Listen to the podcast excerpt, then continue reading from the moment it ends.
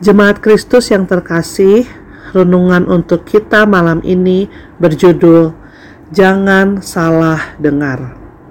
Dan bacaan kita diambil dari 1 Samuel 3 ayat 1 sampai dengan 9. Demikianlah firman Tuhan. Samuel yang muda itu menjadi pelayan Tuhan di bawah pengawasan Eli. Pada masa itu, firman Tuhan jarang, penglihatan-penglihatan pun tidak sering. Pada suatu hari, Eli yang matanya mulai kabur dan tidak dapat melihat dengan baik sedang berbaring di tempat tidurnya. Lampu rumah Allah belum lagi padam.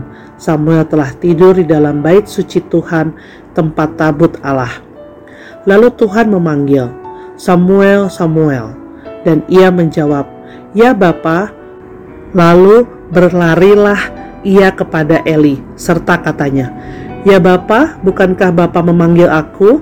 Tetapi Eli berkata, Aku tidak memanggil, tidurlah kembali. Lalu pergilah ia tidur. Dan Tuhan memanggil Samuel sekali lagi. Samuel pun bangunlah lalu pergi mendapatkan Eli serta berkata, Ya Bapa, bukankah Bapa memanggil aku? Tetapi Eli berkata, Aku tidak memanggil anakku, tidurlah kembali. Samuel belum mengenal Tuhan, firman Tuhan belum pernah dinyatakan kepadanya. Dan Tuhan memanggil Samuel sekali lagi untuk ketiga kalinya. Ia pun bangunlah lalu pergi mendapatkan Eli serta katanya, Ya Bapa, bukankah Bapa memanggil aku?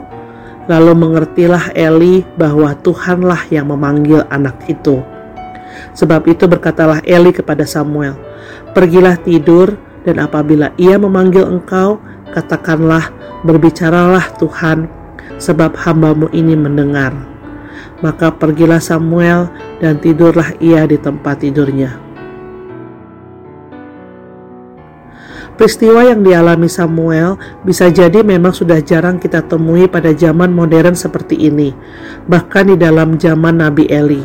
Saat peristiwa ini terjadi pun juga sedang jarang terjadi penglihatan dari Allah.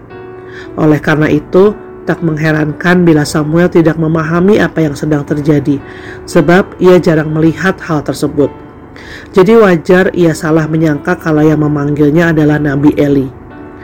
Dalam situasi yang serupa, kita juga bisa salah seperti yang dialami Samuel. Kita merasa sedang mendengarkan suara Tuhan, tetapi ternyata itu suara kita sendiri ataupun suara iblis yang mencoba menyesatkan kita. Atau yang lebih parah adalah kita tahu bila itu sebenarnya suara kita sendiri, tapi kita mengklaim bahwa itu berasal dari Tuhan. Hal inilah yang perlu kita hindari. Mendengarkan suara Tuhan perlu kehati-hatian agar kita tak salah menafsirkan dan menyatakannya.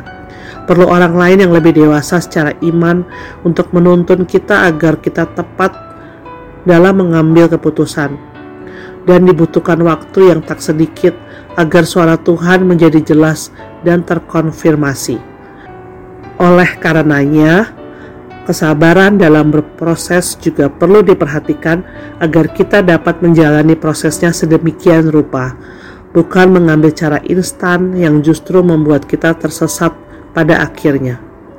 Dengarkan suara Tuhan dengan seksama, maka hidupmu akan bermakna.